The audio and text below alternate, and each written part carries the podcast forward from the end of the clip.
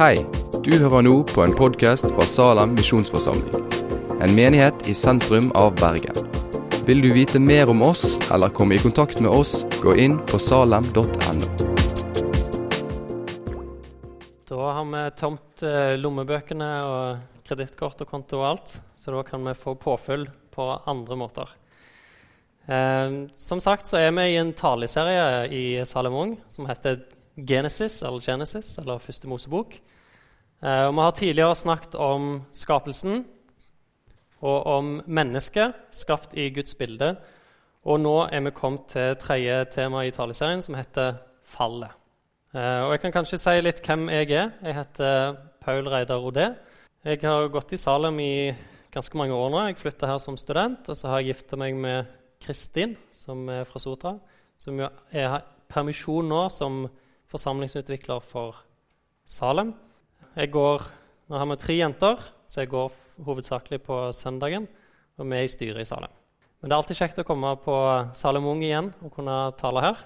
Og denne taleserien den ble jeg veldig glad for når jeg hørte at Kristian eh, hadde planlagt den. Og de har òg et uh, leseopplegg som er lagt ut, der du kan følge tekster i Første Mosebok og tekster i Det nye testamentet som knyttes opp mot disse. Så de vil jeg anbefale dere å følge, sånn at en kan være, eh, ha det med seg hver eneste dag og så være forberedt når en kommer på møtene. Men i dag så skal vi gå gjennom tredje første Mosebok, kapittel 3, og så deler av kapittel 4. Og Jeg har lyst til at vi faktisk leser hele teksten som er satt opp. Men jeg skal lese deler om gangen, og så skal vi stoppe litt opp og snakke litt om det avsnittet før vi fortsetter. Men før vi leser i Første Mosebok kapittel 3, så skal jeg lese et par vers i eh, kapittel 2. Og Det kan hende blir litt mange tekster i dag, men det er fordi denne teksten er så sentral for hele resten av Bibelen. Så det er vanskelig å ikke trekke inn mye tekster. Men jeg tror ikke vi har vondt av det. Men det er vers ifra, tre vers fra kapittel 2 som setter konteksten for det vi skal lese etterpå og det er 15-18. Gud Herren tok mennesket og satte ham i Edens hage til å dyrke og vokte den. Og Gud Herren bød mennesket av hvert tre i hagen kan du fritt ete, men treet til kunnskap om godt og ondt må du ikke ete av. For den dag du eter av det, skal du visselig dø. Så sa Gud Herren, det er ikke godt for mennesket å være alene. Jeg vil gjøre ham en medhjelp som er hans like. Det er to ting jeg vil vi skal legge merke til i denne teksten. Det første er at påbudet om å ikke spise av kunnskapens tre det ble gitt til Adam før Eva ble skapt. Og Det andre er at Adam fikk to oppgaver når han ble satt i Edens hage. Edens hage var jo bare en del av eh, jorda. Og De oppgavene det var å dyrke og å vokte hagen. Det var Adam sin oppgave, eller sine oppgaver. Og Da kan vi begynne å lese fra kapittel 3, og vi begynner med vers 1-6. Men slangen var listigere enn alle dyr på marken som Gud Herren hadde gjort. Og den sa til kvinnen, Har Gud virkelig sagt, dere skal ikke ete av noe tre i hagen? Kvinnen sa til slangen, Vi kan ete av frukten på trærne i hagen, men om frukten på treet som er midt i hagen, har Gud sagt, dere skal ikke ete av den og ikke røre den, for da dør, dør dere. Da sa slangen til kvinnen, dere kommer slett ikke til å dø.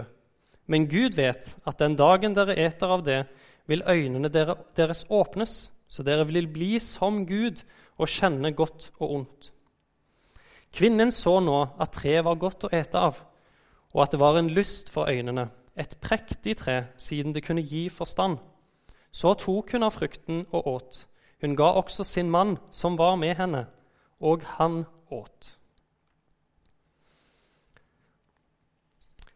Dette er jo det vi kaller syndefallet, eller fallet.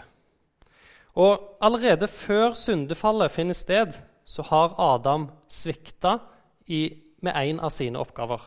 Han skulle vokte hagen. Men det har han ikke klart fordi slangen, eller fristeren, var kommet inn i hagen. Og For at det ikke skal være noen tvil om at slangen her som det er snakk om, det er djevelen. Så kan vi se i eh, Johannes' åpenbaring, som er den siste boka i Bibelen, eh, kapittel 12, 9 der. Den store drage ble kastet ned, den gamle slange, han som kalles djevelen og Satan, han som forfører hele verden.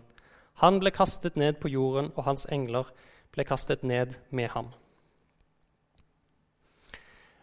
Når, når Gud skapte verden, så sier han at alt var overmåte godt. Guds skaperverk var godt. Alt var godt. Og djevelen han er en skapning. Han ble i utgangspunktet skapt som en engel. I Esekiel 28 så står det at han var en salva kjerub. Men i det samme kapittelet i Esekiel 28 så står det at han opphøyer seg sjøl og dermed falt i synd. Og det djevelen gjør etter at han er falt i synd og blir kasta ut, som vi leste her, så går han etter Guds ypperste skapning, som er mennesket. Det eneste som Gud skapte, som var skapt i sitt bilde. Og det han gjør, er at han går og prøver å få de òg til å falle i synd. Han klarer ikke å gjøre noe mot Gud sjøl, så han går mot det Gud har mest kjær. Og Vi skal se litt på den taktikken han bruker, fordi det er den samme taktikken som djevelen bruker i dag. Så vi har noe å lære fra den første fristelsen. Og Det første han sier, er 'Har Gud virkelig sagt?' Dette er jo et klassisk uttrykk, men det er det av en grunn. Han begynner med å så inn tvil om Guds ord. Og Det samme har han drevet med siden syndefallet. Har Gud virkelig sagt dette? Er det sant, dette som står? Er det dette han har sagt? Og ikke bare prøver han å så tvil om Guds ord, men han forvrenger òg Guds ord. Han misbruker Guds ord for at det skal virke mer overbevisende, det som han sier. For han sier, 'Har Gud virkelig sagt at dere kanskje spiser av noe tre i hagen?' Men det var ikke det Gud hadde sagt. Gud hadde sagt dere kanskje spiser av dette ene treet, kunnskapens tre. Men han forvrenger Guds ord for at det skal virke eh, urimelig. Og Eva hun svarer han, og hun begynner riktig. Hun sier Gud har sagt at vi kan spise av frukten på alle trærne. Men så legger hun til noe som går utover Guds ord. For hun sier av frukten på dette treet så skal vi verken spise eller røre det. Og Gud hadde aldri sagt noe om å røre frukten. Så Eva hun har gjort Guds bud strengere enn det det egentlig var. Og Det kan henge sammen med det vi leste i kapittel 2, at budet ble gitt før Eva var blitt til. Så enten, altså Det betyr at Adam må ha videreført dette budet til Eva og formidla det. Så enten har Adam formidla det galt, eller så har Eva oppfatta det feil eller huska det feil. Uansett så har hun lagt noe til budet. Hun har lagt noe til Guds ord. Og Det kan faktisk være en av grunnene til at de ender opp med å faktisk spise frukten til slutt. Fordi Hvis Eva trodde at noe skulle skje bare hun tok på frukten, og ingenting skjedde når hun tok på han, så kan det ha vært en bekreftelse på at det slangen sier, er rett, og det Gud sa, var feil. Og så fortsatte de å spise det. Men tilbake til djevelen sin taktikk. Han begynner med å så tvil om ordet, og så forvrenger han Guds ord. Og så tar han det neste skrittet og lyver om Guds ord og lyver om Gud. Og så gir han de falske løfter. Han sier dere kommer slett ikke til å dø. Nå sier han Guds ord stikk imot. Men han sier dere vil bli som Gud og kjenne godt og ondt. Og på dette punktet så blir Eva frista. Nå tviler hun såpass mye på Guds ord, og den fristelsen han har lagt foran henne, at hun kan bli som Gud, den er nå forlokkende. Det står at treet ble en lyst for øynene, og hun så at det var godt å spise av. Så hun tar frukten, og så spiser hun den. Og så er det noe merkelig. Og så gir hun den til sin mann, som var med henne. Og Det er litt uforståelig at Adam var her en passiv tilskuer til alt som skjer. Og i stedet for å gripe inn, så blir han faktisk medskyldig og egentlig ansvarlig for det som skjer. Så det ender opp med at både Adam og Eva spiser av den forbudne frukten. Så skal vi lese videre i eh, kapittel 3, og neste avsnitt er 7-13.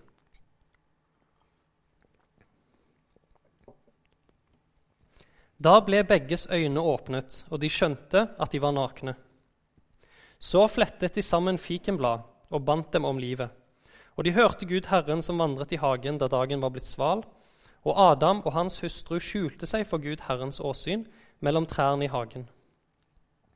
Da kalte Gud Herren på Adam og sa til ham, 'Hvor er du?'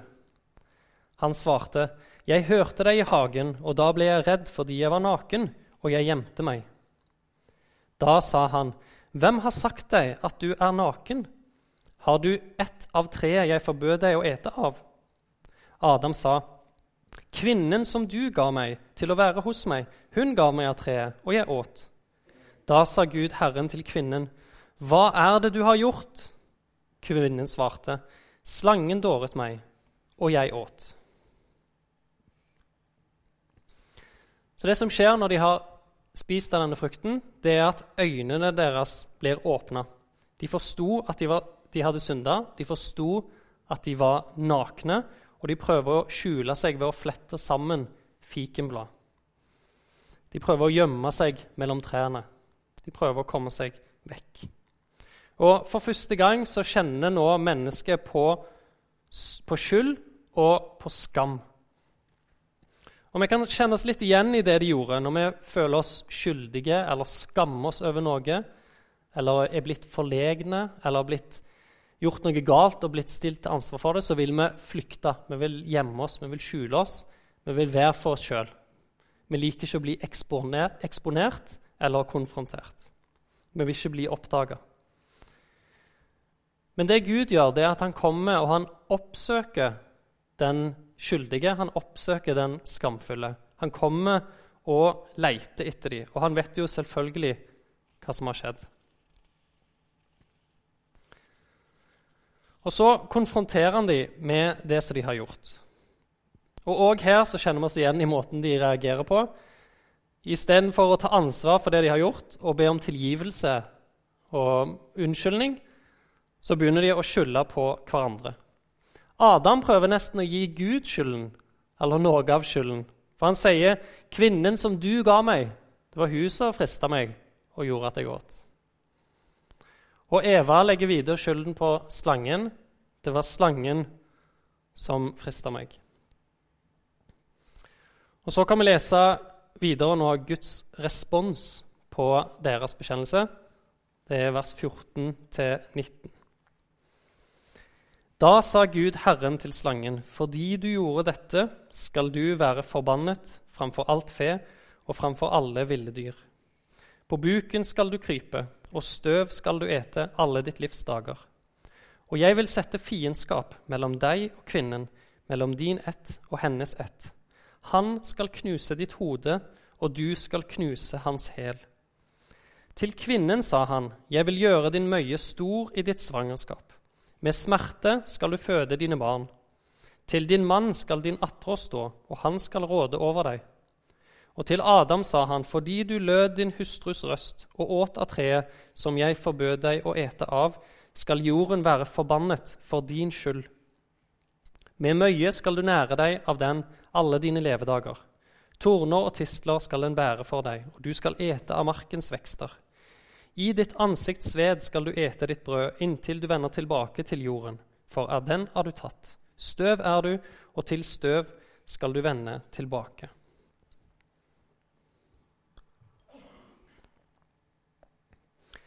I motsetning til Adam og Eva så får slangen ingen mulighet til å forsvare seg. Han, eh, Gud, spør slangen, Gud, spør ikke slangen om et eh, svar på det han har gjort. Han har allerede falt, og det er ingen tvil om hans skyld, og han har ingen andre å skylde på. Gud går rett på forbannelse når det gjelder slangen, og han forbanner han med en gang veldig strengt. Men før han forbanner menneskene og gir de òg en konsekvens for syndefallet, så viser han de nåde, og han gir de til og med et løfte. Han skal sette fiendskap mellom slangens ett og kvinnens ett. Og Det betyr jo at de faktisk kommer til å få lov til å leve lenge nok til å få en ett. Og det i seg sjøl er jo en nådehandling. Men denne kampen her mellom kvinnens ett og slangens ett, det forespeiler egentlig resten av bibelhistorien og menneskets historie. Denne kampen ser vi igjen gang etter gang. Djevelen prøver å gå etter kvinnens ett, og spesielt barna ser vi i mange tilfeller. Det beste eksempelet er kanskje når eh, eh Jesus ble født, og de gikk og drepte alle guttebarn. Men dette, denne kampen finner vi mange steder i løpet av Bibelen, og den utspeiler seg ennå den dag i dag. Så kommer dette fantastiske løftet som var i vers 15. Det som kalles proto-evangelium, eller det, det første evangelium. Han skal knuse ditt hode, og du skal knuse hans hæl. Altså Gjennom kvinnens ett så skal det komme en som skal knuse slangens hode. Han skal tråkke han i hjel. Men det blir ikke uten konsekvens for han sjøl, fordi slangen biter tilbake og hogger han i hælen. Og slangen skal knuse hans hæl. Det koster han dyrt, og i mange tilfeller så er jo et slangebitt det medfører døden. Og For oss som lever i den nye pakt, så er det ganske opplagt hvem dette snakker om. At det er en profeti om Jesus som kommer og beseirer djevelen på bekostning av sitt eget liv for vår skyld. Vi kan ta og lese i eh, Kolosserne 2, 13-15. Også dere var døde ved deres overtredelser og uomskårne skjød. Men Gud gjorde dere levende sammen med Kristus, idet han tilga oss alle våre overtredelser. Han utslettet skyldbrevet mot oss som var skrevet med bud, det som gikk oss imot. Det tok han bort da han naglet det til korset. Han avvæpnet maktene og myndighetene og stilte dem åpenlyst til skue da han viste seg som seierherre over dem på korset. I døden så seira Kristus over døden, som vi sang tidligere her, og over djevelen og maktene og myndighetene.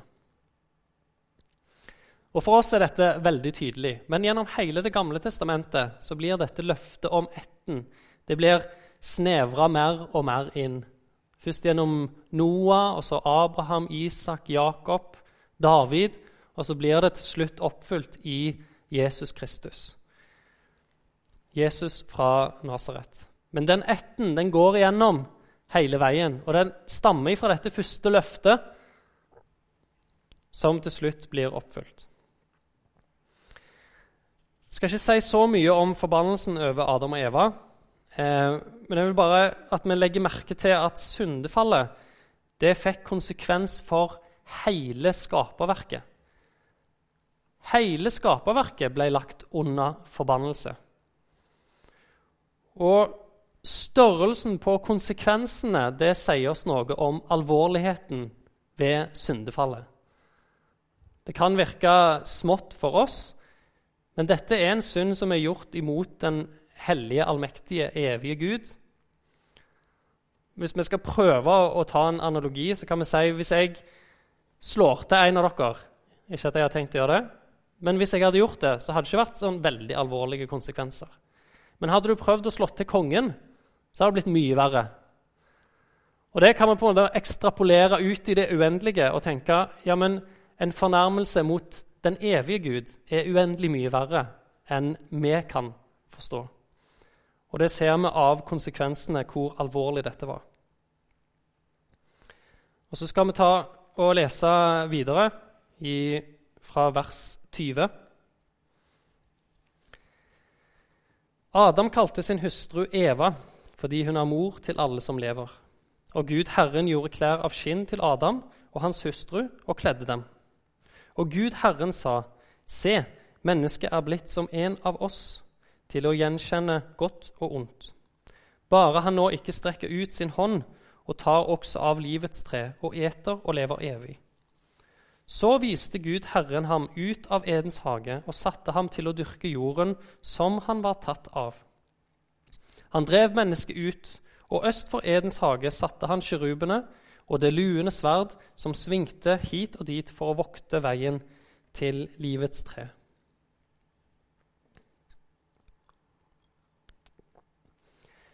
Når Adam og Eva innså at de var nakne, så prøvde de å dekke seg til. De prøvde å kle seg med fikenblader.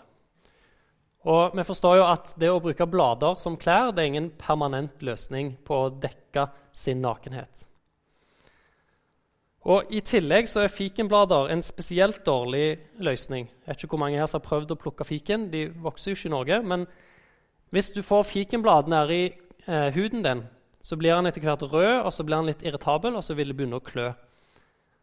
Så det, det å dekke seg med fikenblader det er faktisk en veldig dårlig løsning. Så menneskets eget forsøk på å kle seg det var ikke godt nok. Det var ikke tilstrekkelig. Gud sjøl måtte ta på seg oppgaven med å lage klær til dem. Og kle menneskene med klær av skinn, som er veldig mange ganger bedre enn klær av blad.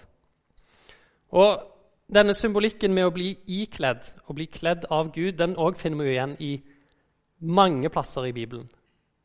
Du har skitne klær, men du skal få bli gitt rene klær av Gud. Vi skal ikle oss Kristus, eller lignelsen om bryllupsinvitasjonen der du får bryllupsklær.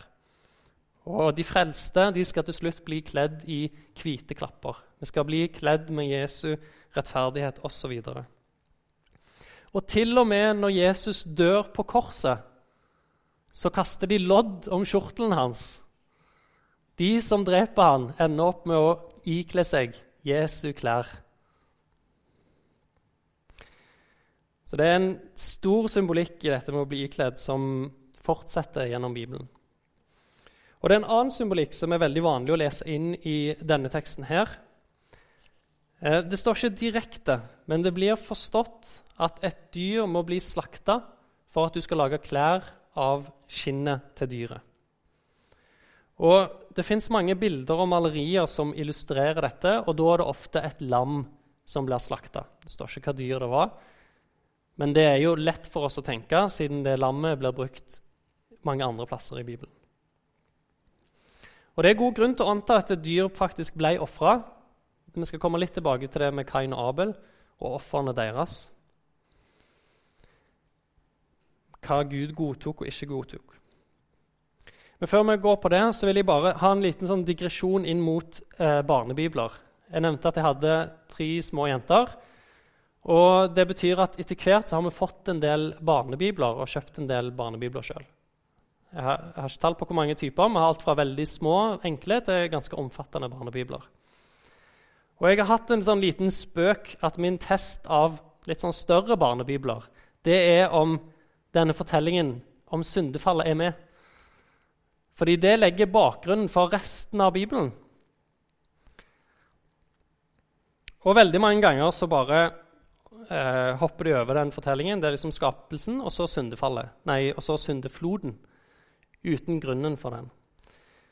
Men jeg, jeg vil trekke fram en veldig god barnebibel. Den eh, fra jeg var liten, kalles Panorama barnebibel. Jeg vet ikke om den fins en gang i dag. Men det var en sånn fancy så du kunne åpne, og så kan du brette ut den ene siden, sånn at du fikk fem sider. Nesten for stor for et barn å holde sånn på langs. Eh, og Det er kortversjonen av hele bibelhistorien. Og Med syndefallet så står en engel med et sverd og vokter Edens hage. Og fra sverdet så er det blod som renner som en rød strek. Og den røde streken den, følger, den går gjennom hele denne barnebibelen. Inn i Noas ark, ut av Noas ark. Alt som skjer, så går denne røde streken gjennom. Offeret til Eh, Kain, nei, til Abel går denne tråden gjennom, osv. Han følger gjennom hele Bibelen, og så ender han jo opp med Jesus som er død på korset, og blodet som renner fra han. Det er utrolig fin symbolikk som knytter en rød tråd gjennom hele Bibelen. Der de da ble kasta ut fra Edens hage og til slutt eh, tatt inn. Og Det er på en måte en sånn nøkkel som er viktig. Det er kanskje ikke mange av dere som har unger ennå, men dere får barn. Prøv å innprente den forståelsen med den røde tråden som går gjennom Bibelen. At ikke de fortellingene bare blir sånn enkeltfortellinger uten sammenheng, men at de settes inn i sammenhengen som frelseshistorien gir oss. Det er en oppfordring. Det var kapittel tre. Eh, og så skal vi ta og lese det siste avsnittet, som er i kapittel 4, om Kain og Abel.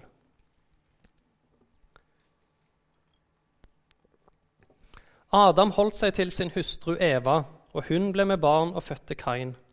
Da sa hun, 'Jeg har fått en mann ved Herren.' Siden fødte hun Abel, hans bror. Abel ble sauegjeter, Kain ble jordbruker.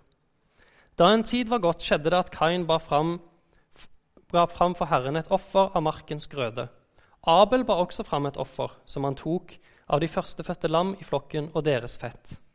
Og Herren sa til Abel og hans offer, så til Abel og hans offer, men til Kain og hans offer så han ikke. Da ble Kain forbitret og stirret ned for seg. Og Herren sa til Kain, Hvorfor er du så forbitret, og hvorfor stirrer du ned for deg? Er det ikke så at dersom du har gått i sinne, da kan du løfte, ditt, løfte ansiktet? Men har du ikke gått i sinne, da ligger synden på lur ved døren. Den har lyst på deg, men du skal herske over den. Kain talte til Abel sin bror. Og da de en gang var ute på marken, for Kain løs på sin bror Abel og slo ham i hjel. Da sa Herren til Kain, 'Hvor er Abel, din bror?' Han svarte, 'Jeg vet ikke, er jeg min brors vokter?' Men han sa, 'Hva har du gjort?' Røsten av din brors blod roper til meg fra jorden. Nå skal du være bannlyst fra den jord som åpnet sin munn og tok imot din brors blod fra din hånd. Når du dyrker jorden, skal den ikke mer gi deg sin grøde. En flyktning og en vandrer skal du være på jorden. Da sa Kain til Herren, Min misgjerning er større enn at jeg kan bære den. Se, du har i dag drevet meg ut av landet, og jeg må skjule meg for ditt åsyn. Jeg blir en flyktning og en vandrer på jorden, og det vil gå slik at hvem som helst som finner meg, kommer til å slå meg i hjel. Men Herren sa til ham, dersom noen slår Kain i hjel, skal det hevnes sjufold. Og Herren satte et merke på Kain for at ingen som møtte han skulle slå ham i hjel. Så dro Kain bort fra Herrens åsyn og bosatte seg i landet Nod, øst for Eden. Litt lengre tekst enn de andre. Men jeg nevnte dette med dyret som ble slakta, og at det igjen kanskje kunne forstås ut fra ofrene som Kain og Abel gjorde. Vi får ikke vite at Gud har gitt et påbud eller et ønske om at det skal ofres. Men det blir ofte forstått at når Adam og Eva så at et dyr ble slakta for å kle dem, så viderefører de det og får lære barna sine å gi offer til Gud. Og Gjennom resten av Bibelen så er alltid syndoffer Det innebærer en slakting, død, blod. Virker litt grotesk for oss. Vi er kanskje ikke så nær på slakting nå. Vi kjøper kjøtt ferdig slakta.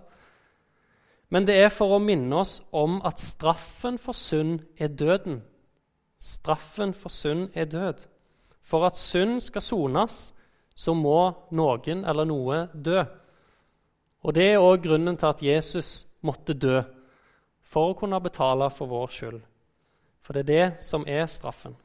Hvis dere spiser denne frukt, så skal dere visselig dø.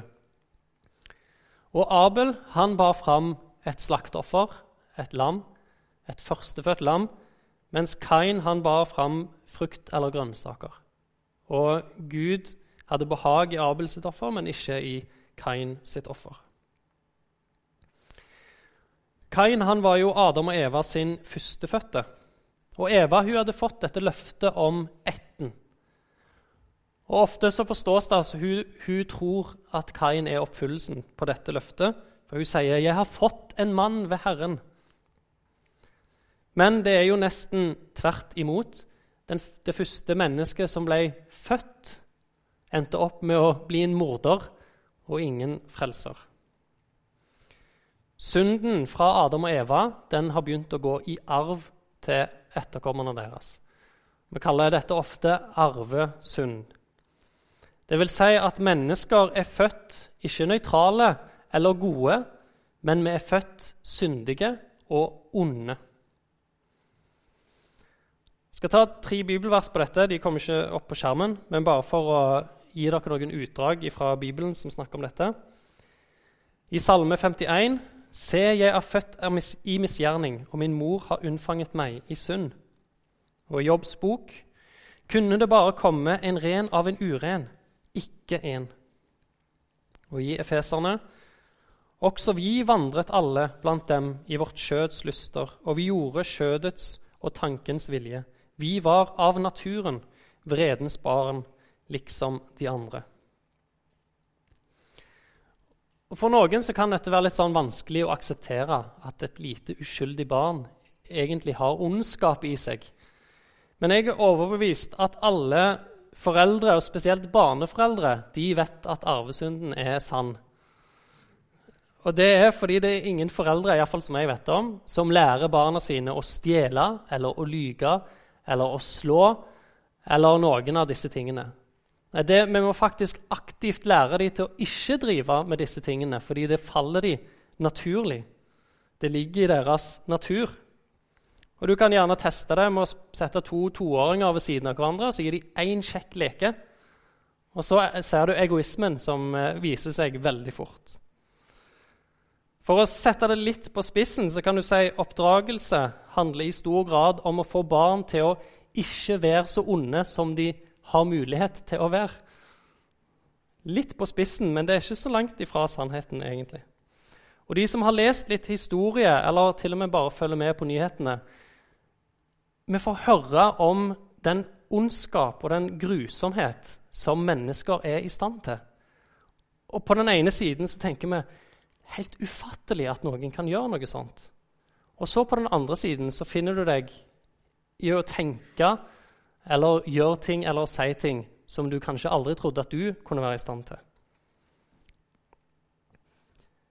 Dette med synd og de ytre handlingene som vi gjør, det er egentlig bare litt sånne tegn på det som egentlig er potensialet til ondskap, som er iboende.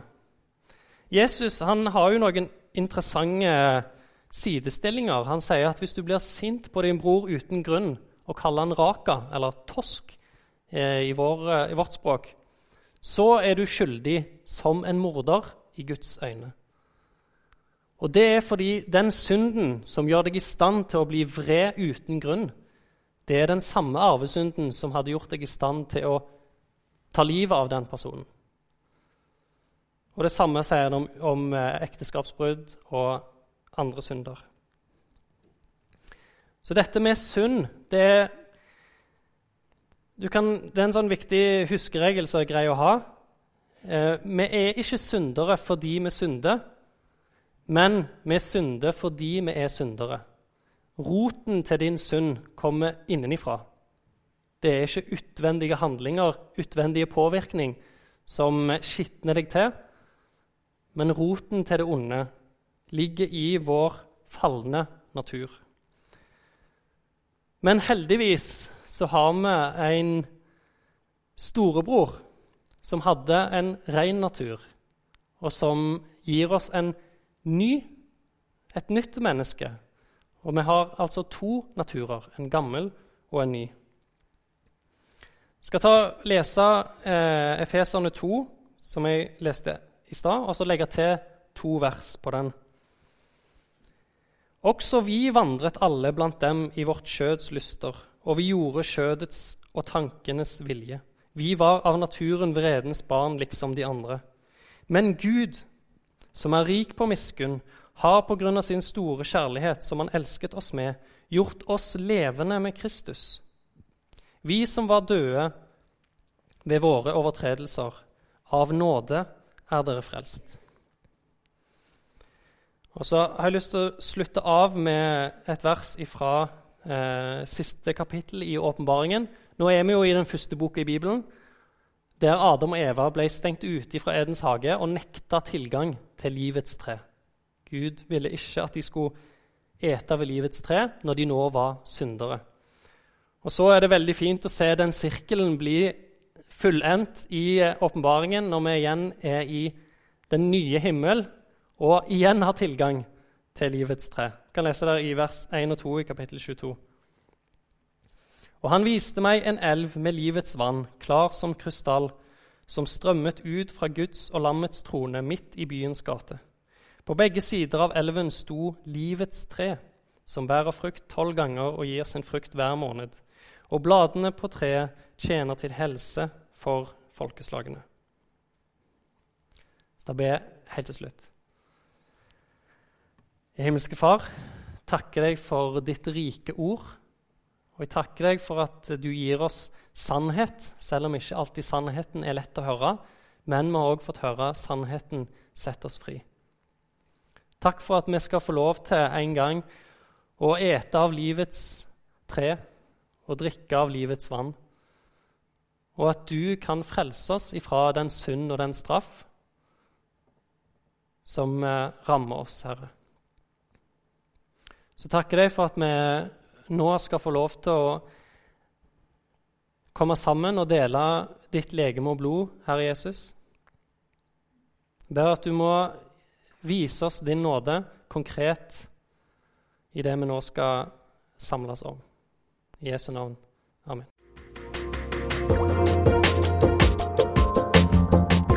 Takk for at du har hørt på podkasten fra Salem, Bergen.